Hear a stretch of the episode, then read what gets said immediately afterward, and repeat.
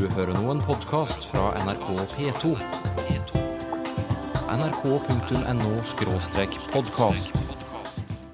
Kom igjen, mann. Og da måtte jeg snu, så gikk jeg tilbake.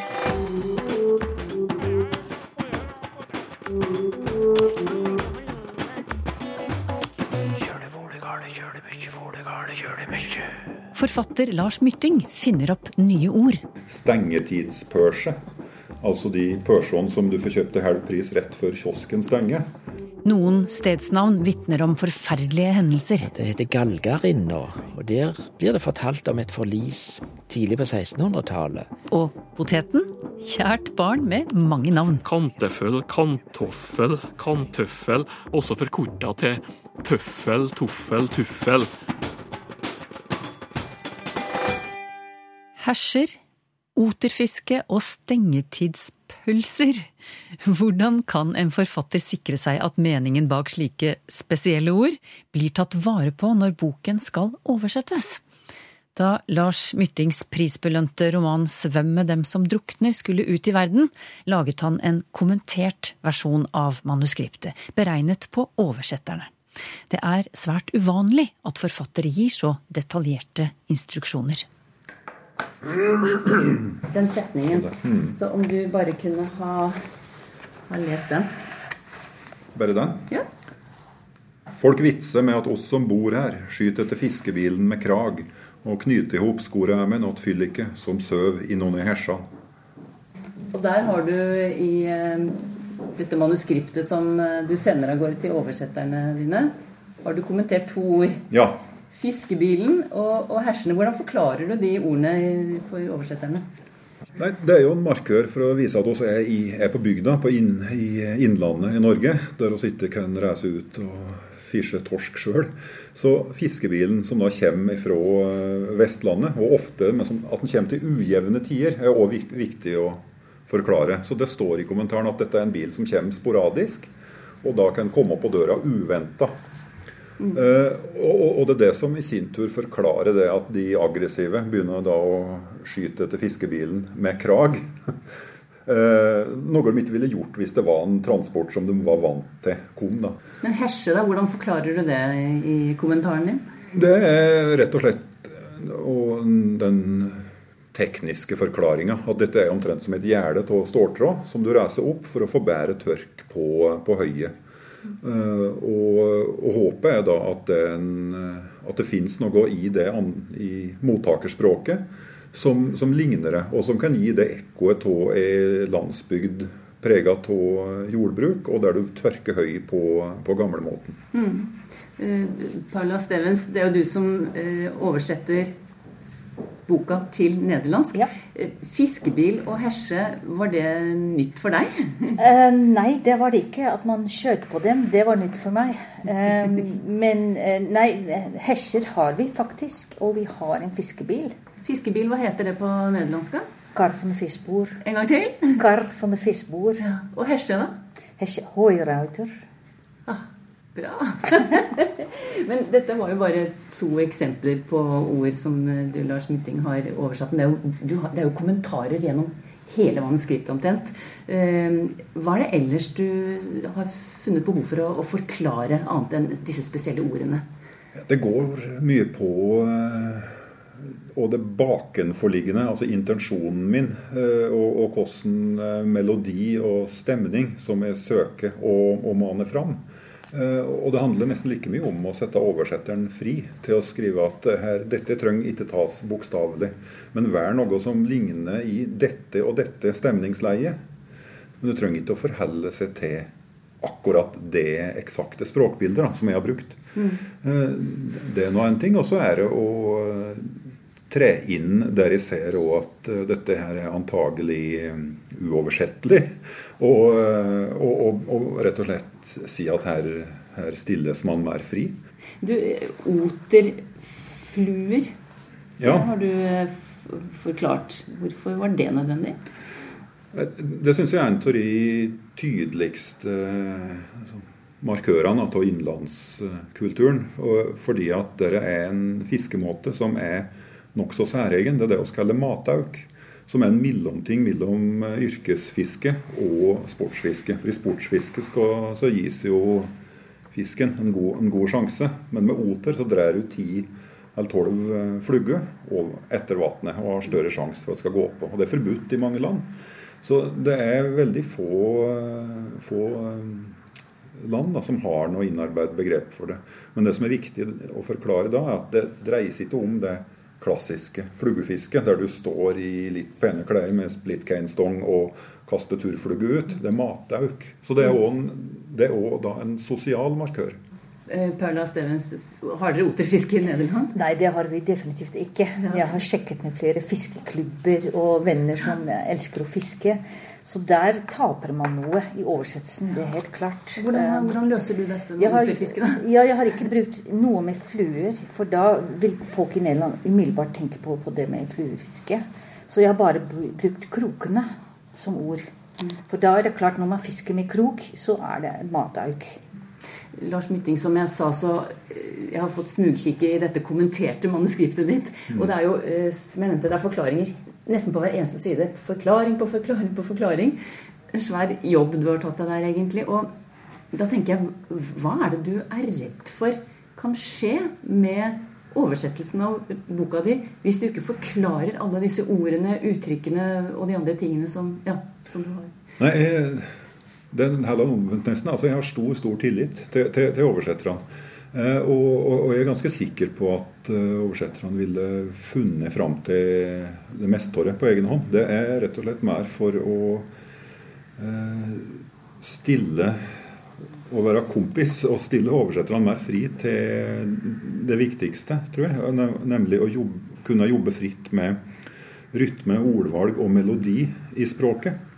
Finne en egen musikalitet i, i språket. Mm. Ja, Paula, hva syns du om at, eh, at, Lars har lagt inn alle disse forklaringene? Jeg skulle ønske at alle forfattere gjorde det. Det er helt fantastisk på forskjellige plan. For det første er det mange sånne ord som oterfluene du vil aldri finne på egen hånd. Eh, og selv om du finner bilder på Google, så er det veldig vanskelig å at du sier at dette er matauk og ikke sportsfiske. Det er jo viktig å vite. Og så er det på det planet som du sier, at, at, du sier 'dette er viktig for meg', og 'dette er dette jeg vil få frem'. Da vet du det. Så da kan du liksom eh, ha en oversettelsesstrategi ut fra det. Det er veldig fantastisk. Et lite eksempel. Du forklarer at Hanne er en jente for påskesol og røre skigamasjer. For blanke, nedarvede bunadsøljer på 17. mai da sier du at det er veldig viktig å få fram at hun er en, en jente som eh, står for orden og ryddighet og tradisjon. Og det er viktig. For bunader i og for seg i Nederland helt, det, det er bare for folk, gamle folk på, i Fålendam med tresko.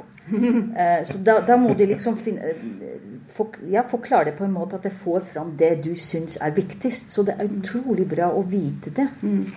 Så jeg følte meg mye friere, faktisk. Men, men det er klart det er valg der, fordi at jeg er òg redd for meg som å være masete og henge over skuldra. Og, og, ikke minst ødelegge det spennende arbeidet ved å finne fram til eksakt den rette vendingen.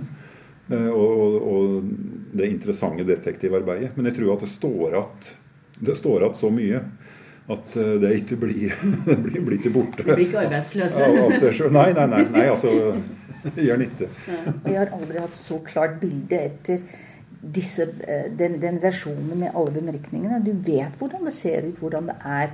Og da er du mye friere. For du, du vet at kanskje det ikke er helt er rette ord, men det kommer nærmest. Ja. Og så er det òg det at Og et annet fenomen, slike sammenskrivingsord som som er litt Skal se hva jeg tenkte på. Det var eh, Jo, det er jo de tilfellene der en bruker, benytter seg av den kanskje litt særnorske muligheten til å sammenskrive ord, da, slik som stengetidspørse. Altså de pørsene som du får kjøpt til halv pris rett før kiosken stenger. Eh, det er jo noe som er funnet på for anledningen, og som bare er i muntlig uttrykk, men som er blitt med i, i, boka.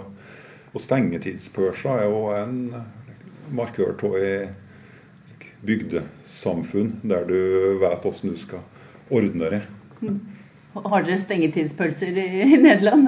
Det har vi nå, for jeg har faktisk brukt det uttrykket. Og redaksjonen i forlaget syntes det var Ja, det var helt eh, midt i blinken, så jeg fikk lov å tilføye et nytt ord til nederlandsk. da. Hva ble det, da? Ah, eh, Sluitingstijdsworst. En gang til. Sluitingstijdsworst. Og det kanskje kommer til å havne i, i nederlandske ordbøker? Det håper jeg. Det er Paula Stevens som har oversatt Lars Myttings siste roman til nederlandsk. Jeg møtte begge to på Litteraturhuset i Oslo under arrangementet Oversatte dager.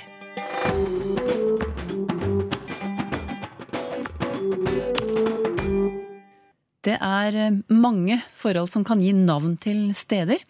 Og hendelser er eh, et av dem. Gjerne dramatiske hendelser. Hva slags dramatikk kan ligge skjult i et stedsnavn, språkprofessor Inge Særheim? Ja, det kan f.eks. være forlis, båter som har grunnstøt. Det kan være drukning, det kan være likfunn, lik eh, som har reket inn. Det kan være avretting. Mm. Du Har du en sånn historie? Ja, det er flere sånne historier. Det er f.eks. et skjær i Sola som heter Klokkeskjæret. Ja. Og der blir det fortalt at eh, en båt skulle frakte klokkene fra Stavanger domkirke til København, der de skulle støpes om til kanoner for Slottet. Og dette skal ha skjedd på 1500-tallet. Men denne båten forliste da ved dette klokkeskjæret.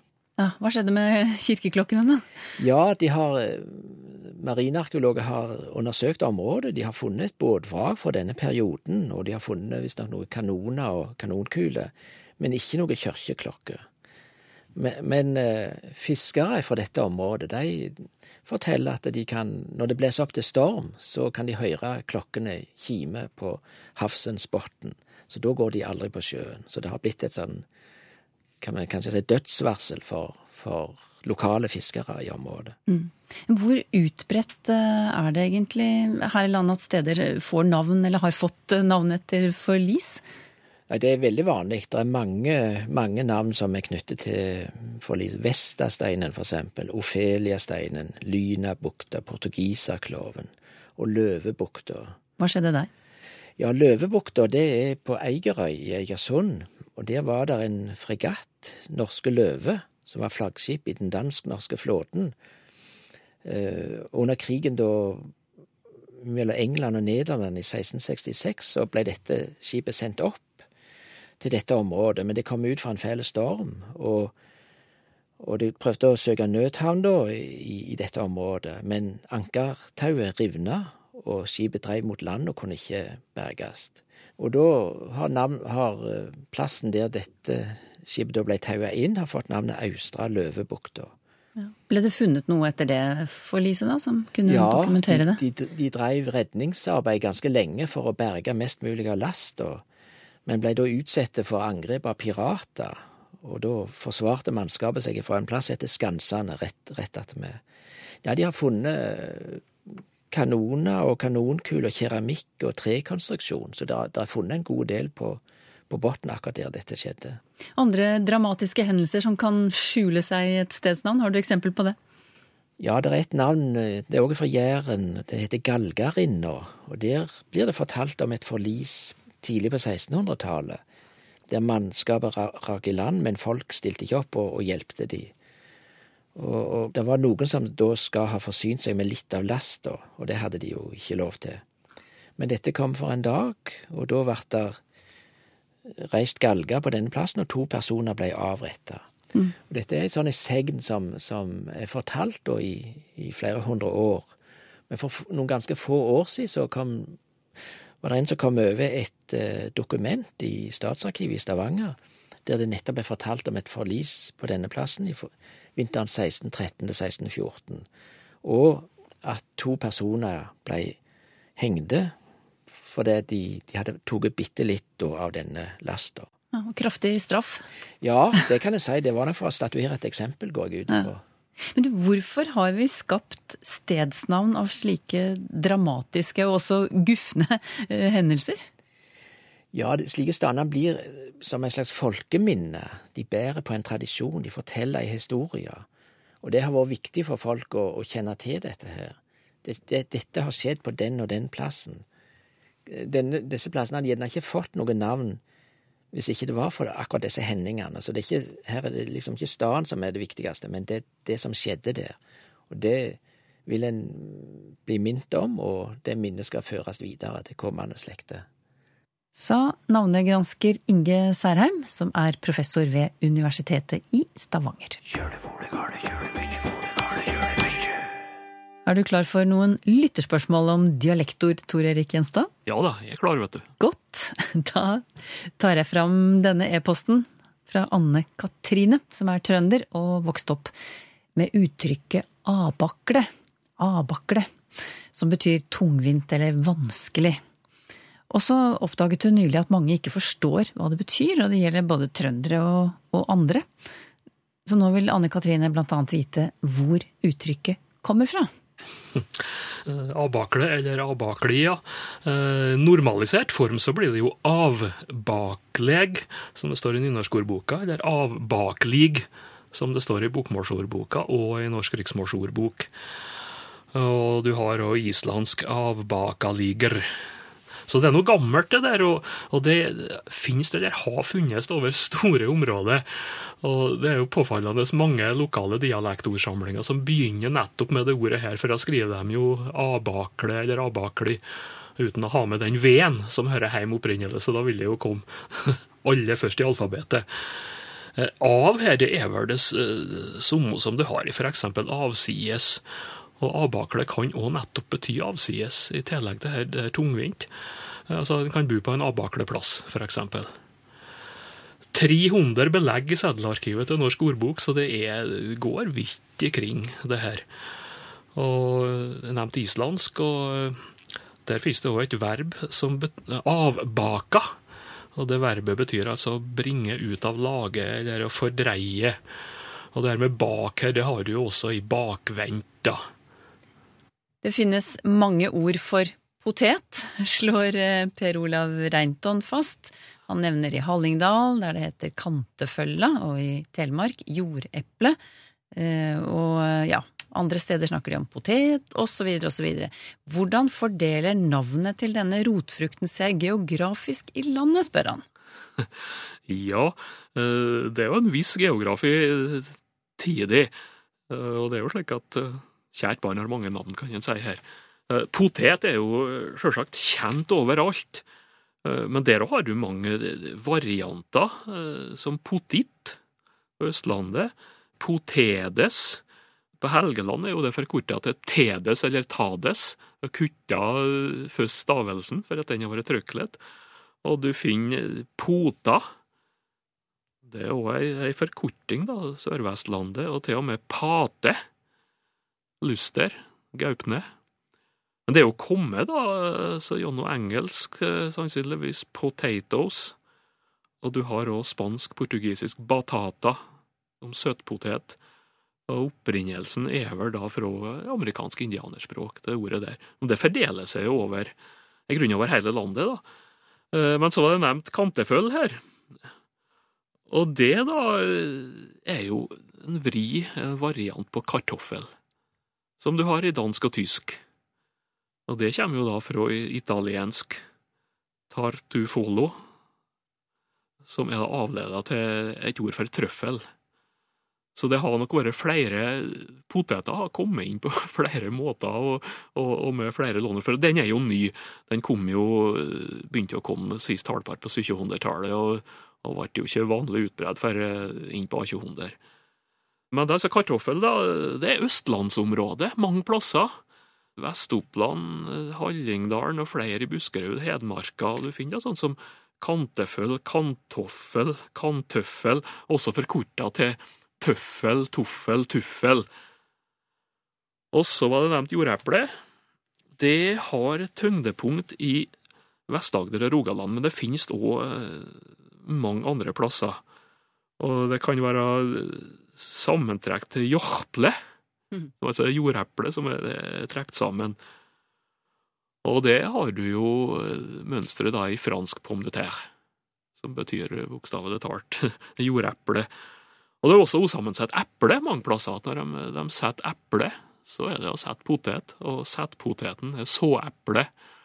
Og da blir jo det som vanligvis forstår med eple, det må de da kalle for søteple. I motsetning til eple, som er, er potet. Så det er jo de tre variantene. Eh, og så har du en fjerde som du finner oppe i- Lierne og vel òg i Snåsa i Nord-Trøndelag. Det med, med pære eller perre, eller perr. Perra, pæra, frøpæra om, om settpotet. Og det er nok kommet inn fra svensk. Der, der finner du pæron og jordpæron om potet. Det er forresten ikke bare Snåsaalvi, det er òg innslag oppi Nord-Rana. Ifølge Ove Arbo Høeg, planter og tradisjon, han har jo kartlagt det her ganske grundig. Så den som vil eh, se det her i detalj, kan slå opp hos han. Når vi først holder på med potet, så vet jeg at det er flere navn på eh, altså potetplanter, altså den som er over eh, jorda, for å si det slik. Jeg kaller det potetkål, men jeg vet jo at det finnes både potetris og potetgras og sikkert flere ord for det. Harald Julsrud har sendt oss noen dialektord fra Nord-Østerdalen. Eh, Vi velger ett, Tor Erik Gjenstad, og vi velger hafell. Utbredelse, opphav, eh, hva kan du si? Ja, eh, Hafell, ja. Eller Hafelle, som de sier Gudbrandsdølene. Det er jo, som innsenderen sier her, og det, det betyr skigard eller gjerde. Og det kan jo, det, det er altså flere typer der det kan bli kalla havfelle. Og så kan det være presisert om det er rishavfelle eller brottohavfelle. Det er kvist på, eh, eller om det er okvister, ja. Eller om det er små, kvist, eh, småtre. Uh, ordet hører heim uh, nettopp i Østerdala, ja, og så Gudbrandsdalen, sjølsagt, er det jo voldsomt kjent, det her med havfelle. Så det er nå kjerneområdet, men det går jo eh, inn i Trøndelag som plasser.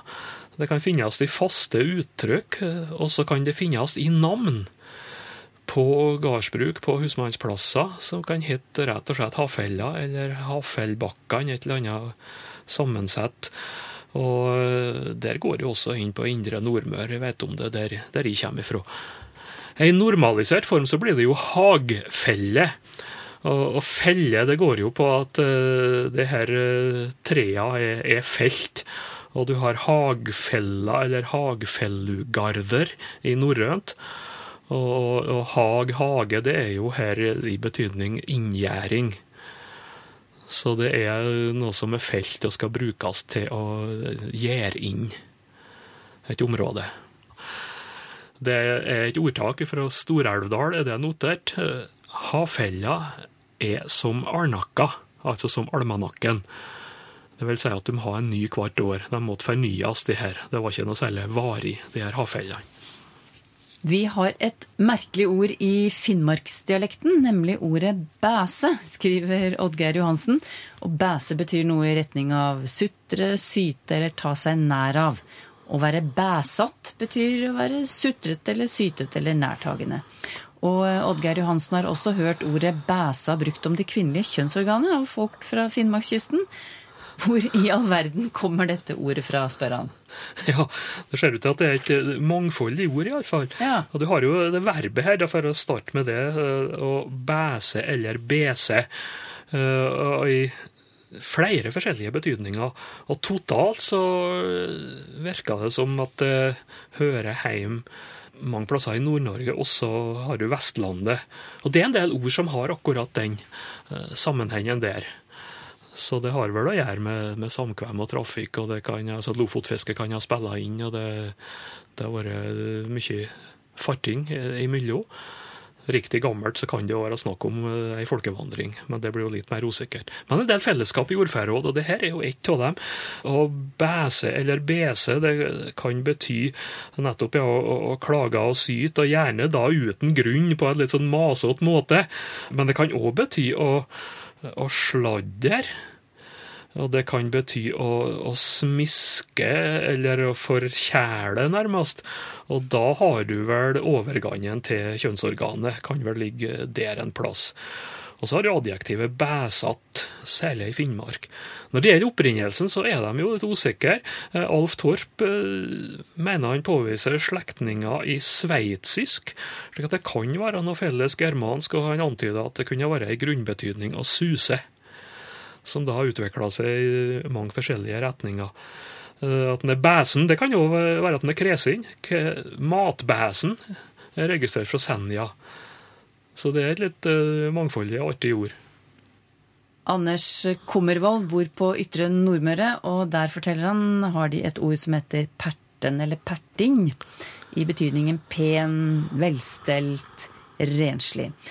Han lurer på hvor dette ordet kommer fra, og om det kan ha bakgrunn i engelsk. Og da viser han til forfatteren John Steinbeck, som brukte ordet perty, altså pretty, om en av eh, romankarakterene sine. Ja, det var jo en interessant tanke, det. Uh, Perty det er vel rett og slett en variant av pretty, ja. Perting eh, det er jo litt mer usikkert. Jeg er jo vokst opp med ordet sjøl, fra indre Nordmør, så det finnes noe på hele Nordmør. Eh, Og det går ned Romsdalen, og det går også inn i Sør-Trøndelag. Og så er det et par strøbelegg fra andre plasser. Det ser ut for at det er en viss tradisjon i Østfold, færre faktisk. Helt fra ei ordsamling fra ca. 1780 via Ivar Aasen og til moderne opptegnelser av perten, da. Og det betyr jo eh, altså renslig og, korrekt, ja. Nærmest overdrevet korrekt. I norsk ordbok så er det hekta på eh, sånn korrekt eh, til fingerspissene, og det, det er litt sånn overdrevet. Som plasser betyr det òg kresing, eller tertefin, nærmest. Og det finnes i svenske dialekter. Perten, der kan det bety furten, eller nærtakandes. Og det er jo ikke sikkert kartlagt opphavet her, men eh, det har jo vært regna med at det hører til samme ordkrets som, som å pirke. Jeg har òg tenkt meg med det, og ren gjetting, om det kunne være at perten, perting, er ei forkorting av pertentlig. Som i seg sjøl har et uvisst opphav, men det blir eh, bare ei gjetning. Men du kan altså ha det perte ikring det, og du kan være pertin i kleda, som de sier på Nordmør. Altså nøye med god ordenssans og ryddig. Men denne, dette forslaget fra Anders Kummervold, at det kanskje kommer fra engelsk eh, perty, eh, hva tenker du om det? Nei, det må man i hvert fall undersøke det nøye først, men det er som sagt en interessant tanke. Har du spørsmål til Språkteigen? Skriv til Teigen, krøllalfa nrk.no, eller til Språkteigen, NRK P2, 7005, Trondheim. Så finner du oss også på Twitter og på Facebook.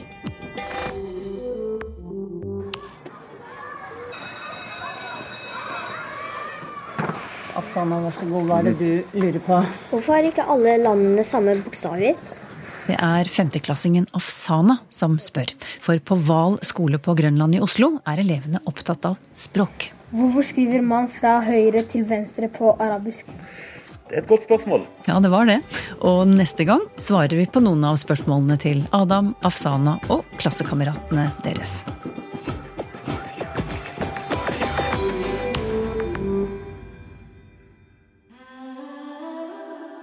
nrk.no podkast.